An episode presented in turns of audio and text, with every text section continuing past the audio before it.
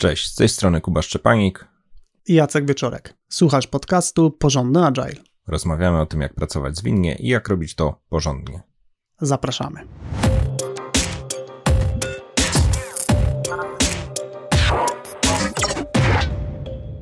W tym odcinku poruszymy temat korzyści z krótszych sprintów.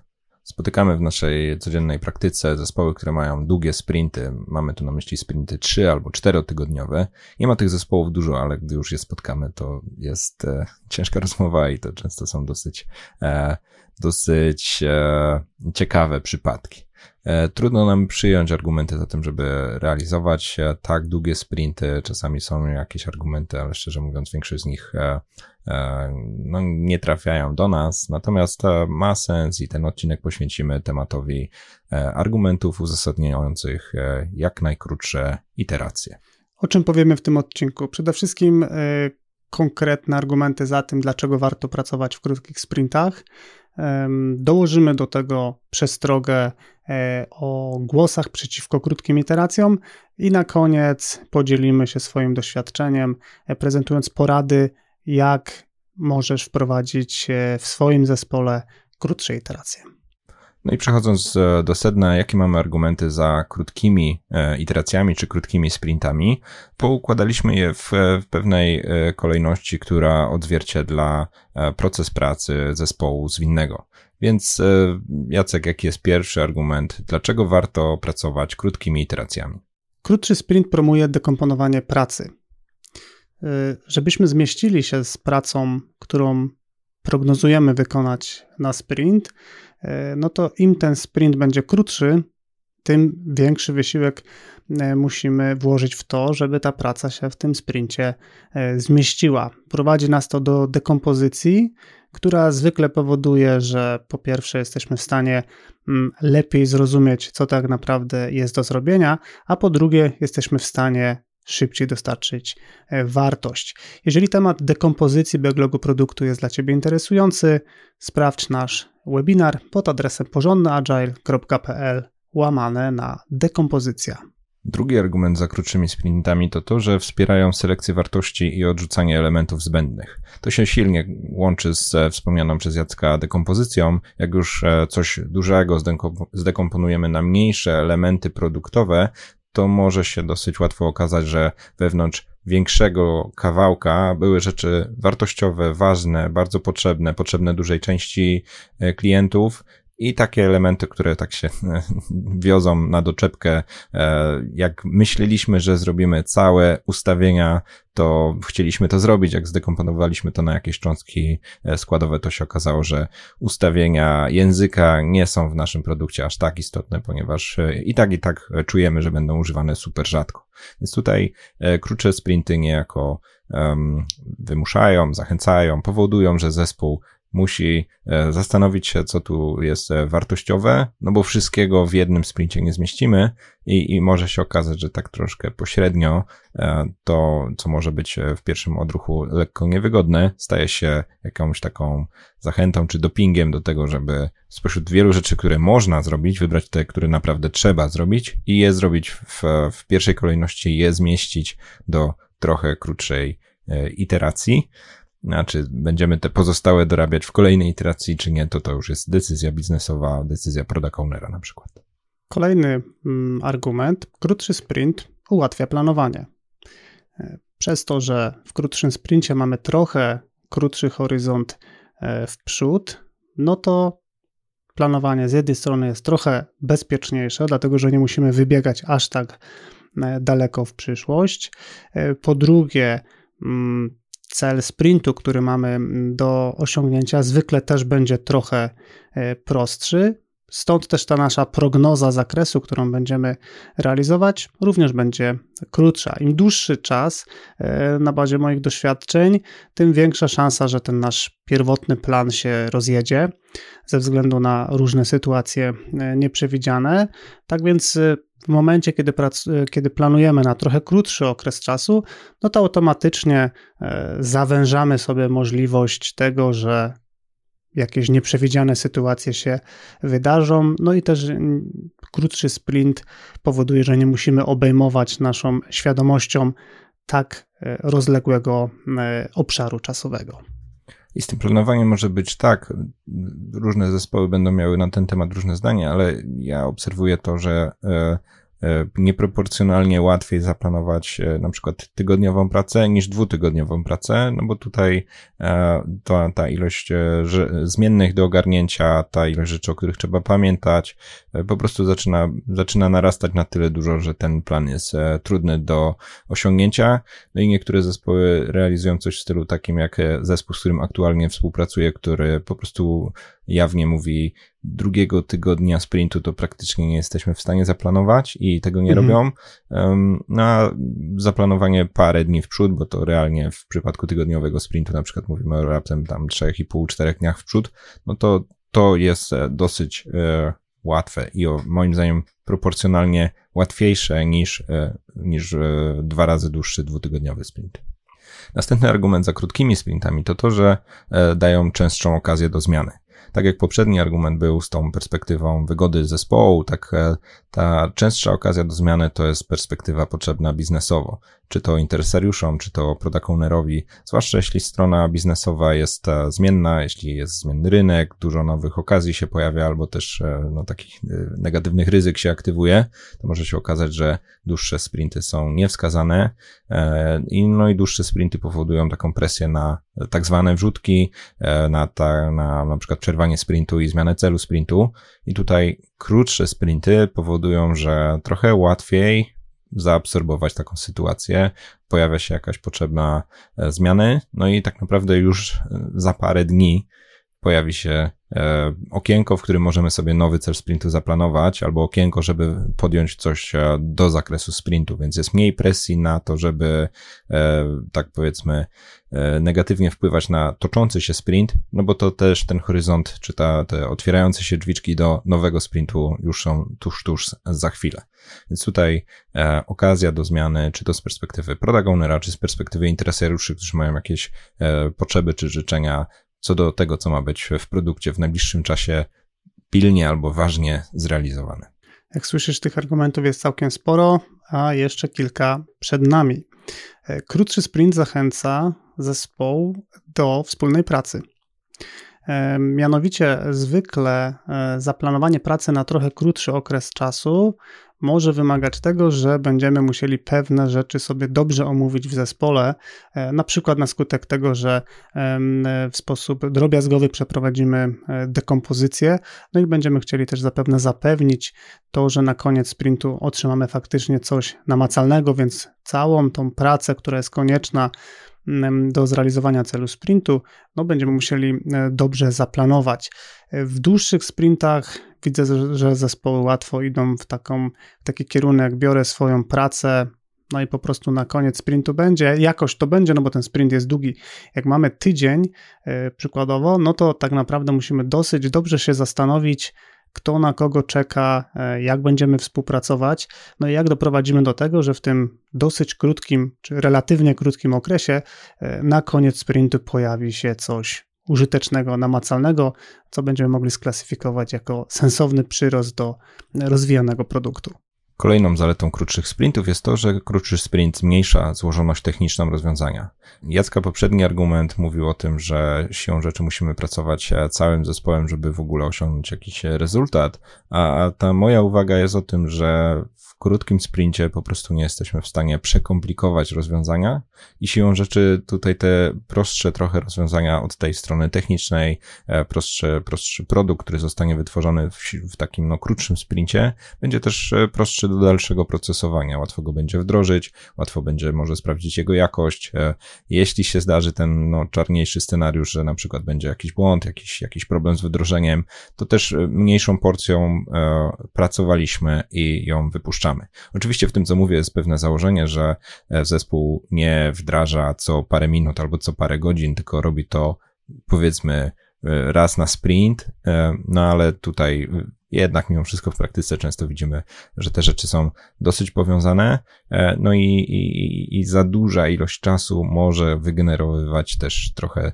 zbyt skomplikowane kawałki produktu, zbyt skomplikowane rozwiązania, no a ta prostota tutaj może być bardzo ważną zaletą i ona może być tak troszkę, znowu użyję słowa, wymuszona przez to, że e, tego czasu nie ma aż tyle, no i preferowane będą przez zespół, preferowane będą przez product te rozwiązania, które się w tym sprincie krótkim po prostu zmieszczą. Kolejny argument. Krótkie sprinty umożliwiają częstsze uzyskiwanie informacji zwrotnej. E, mówię tutaj o przypadku, w którym na koniec sprintu czy na koniec iteracji odbywa się jakaś forma przeglądu, dema czy spotkania e, z klientem czy interesariuszami, gdzie jesteśmy w stanie e, pokazać efekt naszej pracy, no i wystawić ten efekt pracy na światło dzienne, żeby usłyszeć komentarze co w tym produkcie wyszło sensownie, co moglibyśmy usprawnić. Może pojawią się jakieś e, pomysły, które dodamy do naszego backlogu produktu. I oczywiście mówię to w takim założeniu, że pracujemy w zespole, który nie korzysta z częstszych okazji do tego, żeby e, wystawiać efekty swojej pracy na światło dzienne. E, mówię o tym dlatego, żebyś nie zrozumiał, czy nie zrozumiała tego w ten sposób, że przegląd sprintu, jeśli mówimy o Scrumie, że to jest jakby jedyna okazja, kiedy możemy pokazać produkt, oczywiście tak nie jest, natomiast bardzo często zespoły po prostu nie wykorzystują tej szansy, żeby pokazywać e, efekty pracy wcześniej, stąd korzystają po prostu z instytucji przeglądu sprintu. Tak więc, jeżeli możemy spotykać się z interesariuszami co tydzień, a nie tylko raz na miesiąc, no to niewątpliwie jest to korzyść, bo mamy cztery razy e, szansę na to, żeby dostać feedback i wykorzystać ten feedback na zasadzie być może skręcić trochę e, w kontekście tego, jaki mieliśmy plan rozwoju, albo to, co padło we wcześniejszych punktach, częściej będziemy w stanie też zareagować na zmianę, którą dostaniemy od interesariuszy. Przedostatni argument za krótkimi sprintami to to, że krótszy sprint e, ujawnia niedoskonałości procesu. To jest taki pewien paradoks, e, coś co może być nieintuicyjne, że zespół, który ma na przykład trzytygodniowe sprinty i mówi, że to no, nie da się e, pracować inaczej, ponieważ mamy taki proces wdrożeniowy, takie zarządzanie środowiskami, tak jesteśmy rozdzieleni na przykład kompetencyjnie i szereg konkretnych argumentów, no to tutaj no, metody zwinne raczej mocno mówią no właśnie, musicie jeszcze częściej iterować, bo te e, powody, dla których e, nie robicie tego często, tak naprawdę są do usunięcia. One was spowalniają, one usuwają e, takie no, okazje do zwinności i biznesowej, i na tym poziomie, powiedzmy, procesowym czy technologicznym.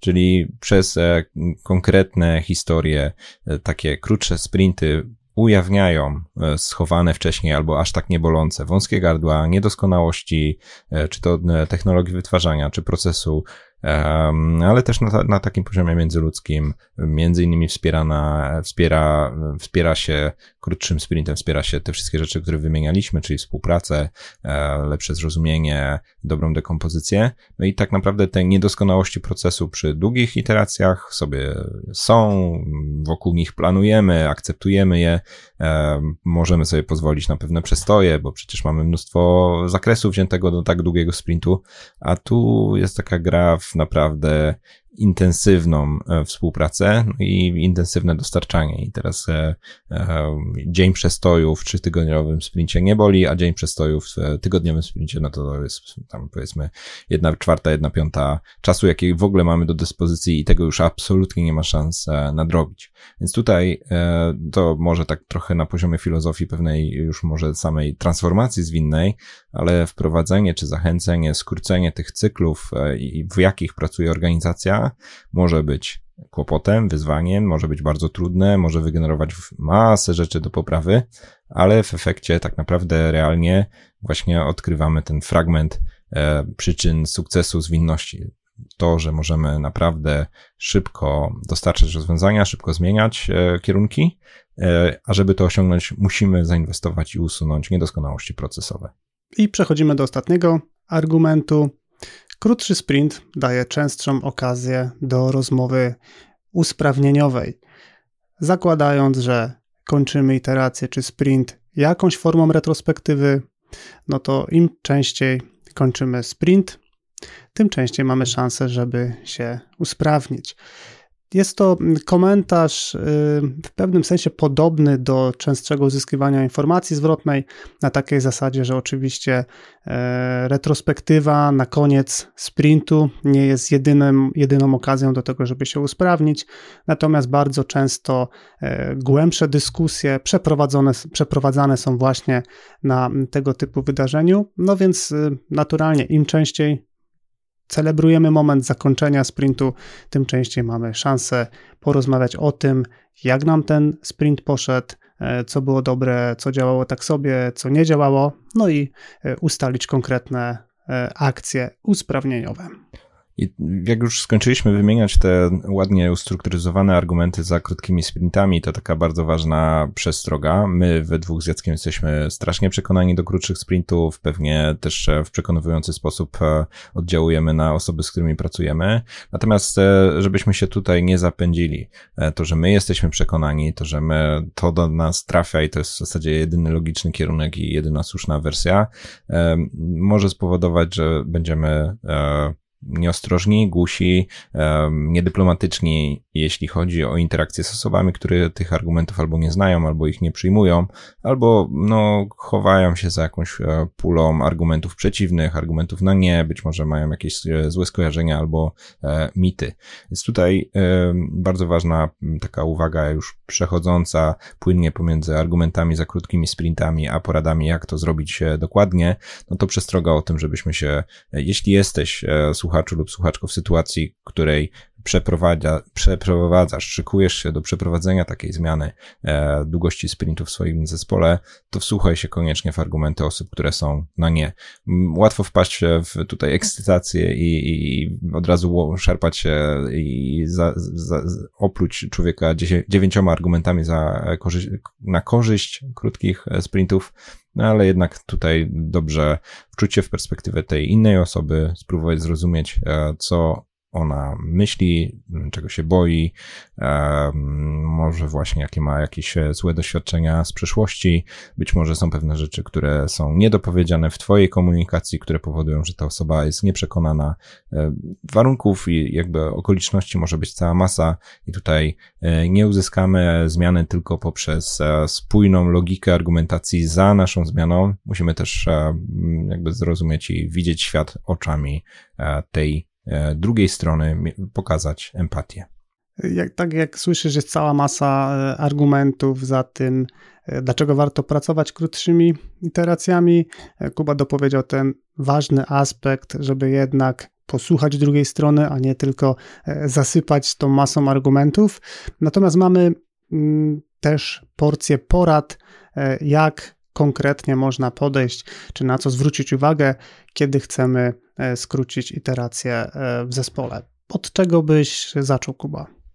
No, najważniejsze wydaje mi się to, żeby nazwać problem długich sprintów, czyli tutaj zdefiniować w ogóle problem, bo może być tak, że e, tutaj mamy chęć zmiany, bo na przykład właśnie w przekonujący sposób w tym odcinku pokazaliśmy, że są korzyści, żeby skrócić sprint z dwóch tygodni do jednego tygodnia, ale nie róbmy to tylko dlatego, że to brzmi sensownie, albo że to brzmi e, jak jakaś moda. E, zróbmy to raczej pod hasłem rozwiązania jakiegoś konkretnego problemu, albo pojawienia się, czy otworzenia jakiejś e, nowej okazji, czy, czy jakiegoś nowego usprawnienia. Więc wielkim testem dla na przykład Scrum Mastera czy Agile Coacha w takim zespole będzie, albo lidera, może być e, próba pokazania, e, jakie są obecne konsekwencje e, długości sprintów, które mamy i okazja do pokazania też jakichś argumentów, które są kontekstowo dobrane do konkretnie naszej mm, no, sytuacji, czy konkretnie do naszego zespołu. Kolejna podpowiedź. Pokaż korzyści dla członków zespołu skramowego. E, czyli z jednej strony musimy rozumieć, jaki mamy problem, to co powiedział Kuba, ale jest też sporo korzyści, które płyną z krótszych sprintów i część z nich wynika z tej listy, e, którą przed chwilą e, przedstawiliśmy. Oprócz mm, członków zespołu skramowego, no to taką grupą, która może odczuć potencjalne korzyści, są oczywiście szeroko rozumiani interesariusze, tak więc warto też o nich pamiętać, bo możemy się spotkać z naturalnym oporem na zasadzie, a dlaczego mam poświęcać, poświęcać więcej czasu i częściej do Was przychodzić, więc e, warto dobrze tą grupę interesariuszy rozpoznać, e, zaopiekować, no i generalnie zaprosić zarówno tą część zespołową, jak i interesariuszy do wspólnego eksperymentu, e, który może oznaczać, że tak naprawdę, jeżeli rezultaty nie będą przekonujące i nie będą wartościowe, no to zawsze z takiego eksperymentu możesz się wycofać. Trzecia porada brzmi: przepracuj wszystkie argumenty na nie niezależnie od tego, że my przekonani jesteśmy, niezależnie od tego, że mamy takie też silne przeczucie, że ta druga strona w naszej dyskusji o tym skracaniu będzie się mylić, to, to, to i tak e, przedyskutujmy na spokojnie, e, posłuchajmy te argumenty, te, te, te przemyślenia osób, które są przeciwne, czy, czy odrzucają zaproszenie do naszego eksperymentu, jak powiedział chwilę temu Jacek, e, bo może się okazać, że no tak naprawdę to jest na przykład brak zrozumienia pewnych praktyk, to może być e, e, coś, co spokojnie sobie przedyskutujemy, spokojnie wymienimy się argumentami, być może ktoś sobie dorabia trochę dodatkowych historii, które tak naprawdę prawdą nie są. No i, i tutaj jakby nie odrzucajmy, czy, czy, czy, czy, czy nie przegapmy okazji do tego, żeby odrobinę poprzekonywać, odrobinę ponamawiać, e, czy po prostu e, wzajemnie się spróbować zrozumieć. Co dalej? Zdobądź sojuszników zmiany. Może być tak, że ktoś e, cierpi na tym, że obecna długość sprintu jest dosyć długa. I taka osoba może być bardzo fajnym sojusznikiem, czyli kimś, kto będzie pomagał nam przeprowadzić e, zmianę. Jest to mm, bardzo duża wartość, w szczególności w sytuacji, gdy osoba, która inicjuje mm, propozycję skrócenia sprintu, jest absolutnie osamotniona. Wtedy bardzo łatwo jest y, ustawić się w taki sposób, że tylko ja chcę, a tak naprawdę dziewięć pozostałych osób y, w zespole y, ma przeciwne zdanie, więc warto wyszukać wśród tych osób te, które będą beneficjentami tego, że sprinty będą trochę krótsze i wtedy co zyskujemy? Zyskujemy to, że nie, to nie będzie już taki jednogłos, tylko być może dwugłos w pozytywnym tego słowa znaczeniu i być może też ktoś przedstawi swoje argumenty, które są inne od naszych, albo przedstawi je językiem, który dla grupy, do której będzie mówić, będzie bardziej przekonujący, czyli na przykład nietechniczny Scrum Master inicjujący dyskusję e, o krótkich sprintach otrzymuje wsparcie backend dewelopera, który jest w stanie bardzo precyzyjnie, używając y, słów zrozumiałych dla innych programistów, y, wyargumentować, dlaczego powinniśmy spróbować i co to nam może dać z perspektywy czysto deweloperskiej. Kolejną poradą przy skutecznym wprowadzeniu krótszych sprintów jest e, rozwiej wszelkie mity. E, chwilę temu mówiłem o argumentach na nie i to mogą być takie bardzo racjonalne, e, uzasadnione powody, że są osoby niechętne albo są osoby wręcz przeciwne zmianie. Natomiast e, w poradzie o rozwiewaniu mitów jednak poruszmy ten temat rzeczy, które są nieracjonalne, absurdalne, no po prostu bardzo, bardzo nieprawdziwe czy bardzo, bardzo niewłaściwe. I tutaj łatwo i powtarzają mi się takie teoretyczne argumenty, y, no ale właśnie opierające się o mity, między innymi mit typu e, w tak krótkim czasie to nam się nic nie da, nie uda osiągnąć, albo taki bardziej produktowy mit, czyli e, przecież klient by nie chciał takich drobnych zmian, klient potrzebuje czegoś wielkiego e, i, i tego typu argumenty się powtarzają. Z biegiem lat i doświadczenia, to ta kolekcja robi się bardzo długa, ja nie chcę chyba teraz jej, jej specjalnie za długiej wy, wymieniać, natomiast warto takie argumenty złapać, warto je usłyszeć, no i zastanowić się, czy umiemy je odbić, albo wręcz właśnie pokazać pewien absurd, błąd logiczny w myśleniu, e, czy no, jakieś na przykład niesłuszne generalizacje, bo tutaj te, te, te mity to często będzie też odrobina manipulacji, jakiś brzegowy, pojedynczy przypadek, który urasta do natury takiej generalnej i ogólnej zasady, że przecież raz tam kiedyś, tam trzy lata temu coś nam nie wyszło, to teraz już na pewno nam nigdy nie wyjdzie. Więc tutaj musimy pewnie wspiąć się na wyżyny dobrego argumentowania, ale też pokazania pewnego absurdu. Sam z doświadczenia najczęściej w takich sytuacjach daję mówić drugiej stronie, czyli raczej metoda sokratejska. Dojdźmy pytaniami w takiej dyskusji, E, do ujawnienia czy uświadomienia stronie, z którą dyskutujemy o jakimś micie, no że ten mit tak naprawdę jest absurdalny, żeby to ta osoba głośno sama sobie zaprzeczyła, e, a czasami nie wpadniemy w taką pułapkę e, dyskusji czy takiego wymieniania się na argumenty, bo to może, to może być czasami ślepa uliczka. Zadawajmy pytania, próbujmy zrozumieć i może się dosyć łatwo okazać, że ta osoba właśnie generalizuje, jej logika jest niespójna, no i, i poradzimy sobie z tym etapem. Kolejna wskazówka, jak skrócić iterację w zespole, brzmi: pokaż konkretne techniki. Bardzo ładnie sobie tutaj z Kubą opowiadaliśmy mm, o tym, dlaczego warto, jak w ogóle do tego podejść, no ale jestem w stanie sobie wyobrazić, że e, w końcu padnie e, pytanie: dobrze, ale jak to konkretnie e, zrobić? Więc warto, przygotowując się w ogóle do takiej propozycji, albo już w trakcie trwania takiej zmiany, być gotowym podpowiedzieć e, konkretne narzędzia, techniki czy podejścia, które mogą nam pomóc e, w realizowaniu krótszych sprintów. To mogą być e, zarówno techniki dzielenia pracy na mniejsze kawałki, czyli techniki dekompozycji, to mogą być jakieś lepsze sposoby planowania, na przykład planowanie wizualne, to mogą być wskazówki, jak lepiej przeprowadzić codzienny stand-up, czy generalnie jak prowadzić efektywniejsze spotkania, po to, żeby te spotkania e, trwały krócej, no i żebyśmy mieli po prostu poczucie, że zwrot inwestycji z takiego spotkania ma sens. Tak więc warto się e, przygotować, bo e, moim zdaniem, w sensie na bazie mojej praktyki, na pewno te praktyki będą konieczne. Więc jakby sama zmiana długości sprintu to jest za mało, za tym musi pójść też pewna zmiana zachowań. I tak jak e, pokazanie konkretnych technik jest potrzebne, to samo pokazanie to też będzie za mało, więc następna porada to aktywnie wesprzeć zespół w zastosowaniu tych nowych podejść. Tu może się okazać, że pierwsze próby będą dosyć nieudolne, że niekoniecznie nam wyjdzie aż tak różowo, jak obiecywała e, technika, czy obiecywał autor tej techniki, e, no ale mimo wszystko próbujmy, dążmy, bądźmy bardzo aktywni. Tutaj czasami spotykam Scrum Masterów trochę za pasywnych na takim etapie zmiany, Tutaj nie bójmy się zakasać rękawy, osobiście może troszkę mocniej pomoderować, e, pokazać pewne e, działania czy pewne techniki na bardzo konkretnych życiowych przykładach z tego konkretnego zespołu.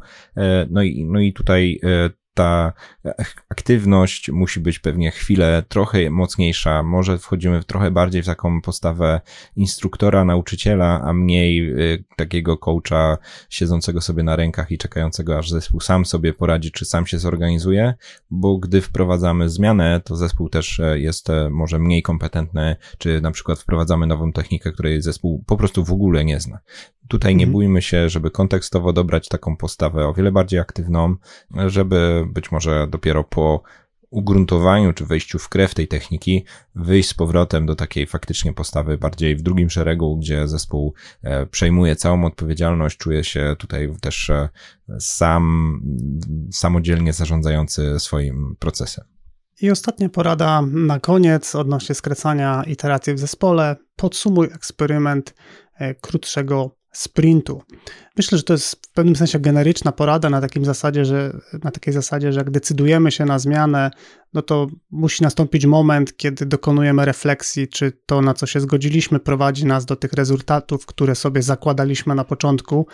Więc y, tutaj zarówno możemy wyciągać e, wnioski tak na gorąco, czyli w trakcie naszej pracy, jak również warto e, dedykować sobie taki konkretny slot, e, nawet jako element e, retrospektywy, po to, żeby upewnić się, że ta zmiana nie, nie pozostanie gdzieś tam zawieszona w powietrzu, tylko faktycznie się zastanowimy, zrobiliśmy tą zmianę, jesteśmy po pierwszym sprincie, właściwie jesteśmy w trakcie jeszcze e, tego pierwszego sprintu, no ale już na samym końcu. No i tak naprawdę co się zmieniło, jak się z tym czujemy, co nam wyszło, co nie wyszło, czy kontynuujemy eksperyment, czy nie. Tak więc zdecydowanie jest to e, coś, na co warto poświęcić czas, jak zresztą na każdą większą zmianę e, i nie próbowałbym raczej przechodzić e, wobec takiej zmiany bez komentarza, czy czasem słyszę argumenty, no przecież wszyscy widzą jak jest, no tylko jednak zastanowił się i, i, stworzył też przestrzeń, żeby argumentacja zarówno za i przeciw, jak i wszelkiego rodzaju komentarze po prostu porządnie wybrzmiała w zespole. Zwłaszcza, że e, to, co już trochę w odcinku powiedzieliśmy, ta zmiana może wygenerować na przykład e, ujawnione e, niedoskonałości procesu albo jakieś potrzebne nowe zachowania, nowe techniki, z którymi nie czujemy się aż tak komfortowo i tutaj jest niezwykle wysokie zagrożenie. Akurat przy tej konkretnej zmianie, przy tym typie zmiany jest no, spore zagrożenie, że te trudności, te niedoskonałości będą argumentem za tym, żeby wrócić do starego, czyli ten tutaj taki samo balansujący się świat, w którym e, spróbowaliśmy czegoś trudnego, nie do końca nam wyszło, nieodpowiednio to przepracowaliśmy, więc wracamy do tego, co nam do tej pory pasowało. E, czyli no, nie uzyskamy korzyści, ponieważ trudności, jakie są po drodze, no nas, nas od tych korzyści e, jakby odciągają, czy nam nie pozwalają tam e, dotrzeć. Więc tutaj e, warto to podsumować, warto to przepracować i być może nawet warto zbudować sobie pewien plan działania, jak poprawić niedoskonałości procesu, żebyśmy mogli pracować w tymi krótszymi iteracjami. Podsumowując cały odcinek, dlaczego warto pracować krótszymi iteracjami? Krótki sprint promuje dekomponowanie pracy, wspiera selekcję wartości odrzucanie elementów zbędnych, ułatwia planowanie, daje częstszą okazję do zmiany. Zachęca zespół do wspólnej pracy, zmniejsza złożoność techniczną rozwiązania, umożliwia częstsze uzyskiwanie informacji zwrotnej, ujawnia niedoskonałości procesu i daje częstszą okazję do rozmowy usprawnieniowej. Temat wprowadzania zmiany w zespole, e, tak jak go eksplorowaliśmy też w tym odcinku, w e, jego drugiej części, e, wraca też regularnie przy case studies, jakie poruszamy na prawdziwych przypadkach skramowych. Już od dwóch odcinków zapraszam na te warsztaty. Zostało jeszcze kilka miejsc. Grupa, która już się zapisała, grupa, która już potwierdziła udział, no nie może się doczekać tych warsztatów. Natomiast jeśli jeszcze się wahasz, e, no to może być tak, że to jest ostatnia możliwa okazja, żeby do tych warsztatów e, dołączyć. Zapisy, więcej informacji, ewentualnie konkretna informacja, ile jest jeszcze wolnych miejsc, bo w momencie, gdy to nagrywamy, jest ileś, ale może być tak, że w międzyczasie parę miejsc też jeszcze zniknie. Wszystkie te informacje, informacje znajdziesz na stronie 202%.pl łamane na przypadki myślnik skramowe. Natomiast notatki do tego odcinka, artykuł, transkrypcja oraz zapis wideo znajdziesz na stronie porządnyagile.pl łamane na 96. I to by było wszystko na dzisiaj. Dzięki Jacek. Dzięki Kuba. I do usłyszenia wkrótce.